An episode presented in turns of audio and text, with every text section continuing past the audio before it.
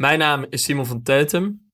Ik studeer Europese politiek aan de Universiteit van Oxford en daar gaat dit stuk ook over. Niet over mij of over Oxford, maar over Europese politiek en de rol van Nederland daarbinnen. Het was een historische maand voor Nederland. Of nauwkeuriger, het was de maand van een historisch keerpunt. Dat heeft alles te maken met een toespraak die minister Sigrid Kaag op 8 maart gaf in Maastricht. 30 jaar nadat regeringsleiders daar de basis hadden gelegd voor een nieuwe munteenheid. Kaag deed iets bijzonders. Plotseling sprak een Nederlandse minister van Financiën zich uit voor het versoepelen van de begrotingsregels in de eurozone. Zo kunnen we niet doorgaan, zei ze over het richtsnoer dat de staatsschuld van eurolanden niet hoger mag zijn dan 60% van het BBP. Een wereld van verschil met haar voorganger Wopke Hoekstra, die door Politico nog werd omschreven als Europe's Bond villain, toen hij onverzettelijk bleef hameren op diezelfde regels. Of met oud-minister Jeroen Dijsselbloem, die zich tijdens de Europese schuldencrisis opwierp als de beschermheer van het strenge huishoudboekje en suggereerde dat Zuid-Europese bondgenoten hun geld verkwisten aan drank en vrouwen. Maar nog opvallender, Kaag beperkte zich niet tot financiën. Zij schetste een nieuwe rol voor het land dat de afgelopen drie decennia vooral dwars lag in Brussel. Een voortrekkersrol, wel te verstaan. Dit moment, zei ze, is een historisch kruispunt, een keerpunt, dat vraagt om een ander soort unie dan die van het voortmodderen en compromissen sluiten. Hoogleraar moderne Europese geschiedenis Mathieu Zegers, die zich al decennia verdiept in het spanningsveld tussen Den Haag en Brussel, noemde Kaags toespraak historisch. Zo brak, een week na de Zeitenwende van Duitsland, ook Nederland met het verleden. Jarenlang was de Nederlandse relatie met de Europese Unie vooral transactioneel. Niet een diep geworteld geloof in het Europese project, maar opportunisme was onze voornaamste drijfveer. Handel prima, maar verdere politieke integratie was eerder een dreiging dan een wens. Geen wonder dat Nederland naast Frankrijk in 2005 de grote dwarsligger was tegen de EU-grondwet. Ook van politieke samenwerking met buitenstaanders worden we niet warm. Denk aan het referendum over het associatieverdrag met Oekraïne in 2016, waarbij 61% tegenstemde. Maar echt stijfkoppig worden we als je aan onze portemonnee zit. Daarom scoorde premier Mark Rutte tijdens de campagne voor de Tweede Kamerverkiezingen van 2012 met de valse belofte geen cent meer naar de Grieken te sturen. Dit trucje herhaalde hij in 2020, door tijdens de onderhandelingen voor het Europees Herstelfonds te wedijveren met Wopke Hoekstra. Welke minister kon, in aanloop naar de verkiezingen het jaar erop, de meeste binnenlandse populariteit winnen met buitenlandse lompheid?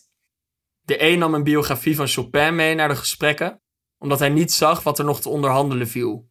De ander kreeg een uitbrander van Zuid-Europese regeringsleiders voor zijn afstotelijke en gevoelloze commentaar op hun begrotingsdiscipline. Lange tijd kon Nederland met zulke streken wegkomen, omdat er altijd een land nog erger was: Groot-Brittannië. Zij hadden het quid pro quo in Brussel uitgevonden. I want my money back, riep Thatcher in 1980 toen ze vond dat het Verenigd Koninkrijk te veel aan de EU betaalde. Game, set and match, zei John Major toen zijn land buiten de euro wist te blijven. Alsof hij had deelgenomen aan een wedstrijd in plaats van een samenwerking. Special status, jubelde David Cameron nadat hij in 2016 de rol van Groot-Brittannië in de EU had heronderhandeld. Maar meebuigen met de opportunistische onderbuik leverde Cameron en zijn land vervolgens een nog veel specialere status op die van buitenstaander. Daar zit een les in voor Nederland. Poetins aanval op Oekraïne en de dreiging naar de Baltische Staten en Polen dwingen de EU tot daadkracht. Sterkere verbintenis en snellere eenwording liggen voor de hand. De Franse president Emmanuel Macron heeft zich opgeworpen als aanjager en riep vorige week op tot een nieuwe stap vooruit in Europese defensiesamenwerking. De Italiaanse premier Mario Draghi steunt inmiddels EU-lidmaatschap voor Oekraïne. En de Duitsers spraken in hun regeerakkoord zelfs van verdere ontwikkeling tot een federale Europese staat. Tegelijkertijd worden eurosceptische schoothondjes van Poetin gecastreerd in de peilingen. De kansen van de Franse polemist Erik Zemmour zijn inmiddels verkeken. In Italië probeert de populist Matteo Salvini, die ooit poseerde in een Poetin-shirt, nu snel afstand te nemen van de tiran terwijl in België het kopstuk van Vlaams Belang op zondag schoorvoetend toegaf dat hij zich had vergist in Poetin. Thierry Baudet blijft Poetin ijverig verdedigen, maar zakt daarmee wel weg in de peilingen.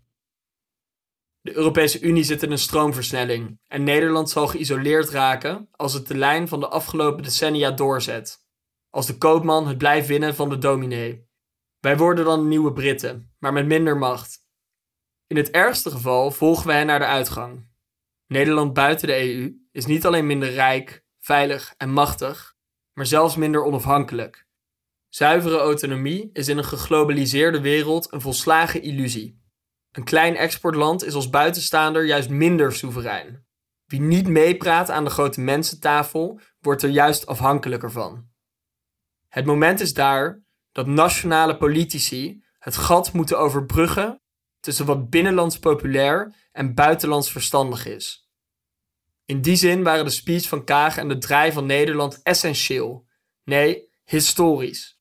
En toch is de kans groot dat dit het eerste stuk is dat jij hoort of leest over die toespraak. Nederland is een van de grondleggers van de EU, maar richt de blik meestal naar binnen.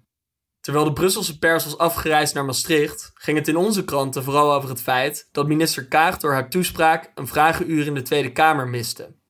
Zij was een spijbelende minister. Navelstarende media zouden er goed aan doen om Kaag's speech eens te lezen. Van onze nieuwe wetten heeft de helft zijn wortels in Brussel. Toch plaatsen grote kranten daar slechts één of twee journalisten, terwijl ze zes tot twaalf mensen naar Den Haag sturen. Ook de correspondent dacht dat een Amerikaans avontuur een logischere stap was dan een Europees project. Zelden is Europese integratie een groot thema in verkiezingscampagnes. Sporadisch komt het aan bod in talkshows.